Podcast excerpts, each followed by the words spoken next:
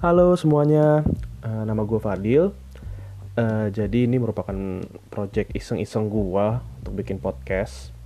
Uh, karena gue udah tiga bulan di rumah working from home dan berasa bosen banget. Mungkin agak telat karena bentar lagi udah mau masuk lagi, tapi nggak apa-apa karena pengen gue seriusin juga. Uh, jadi uh, ini konsep podcastnya FHM Travel Talks.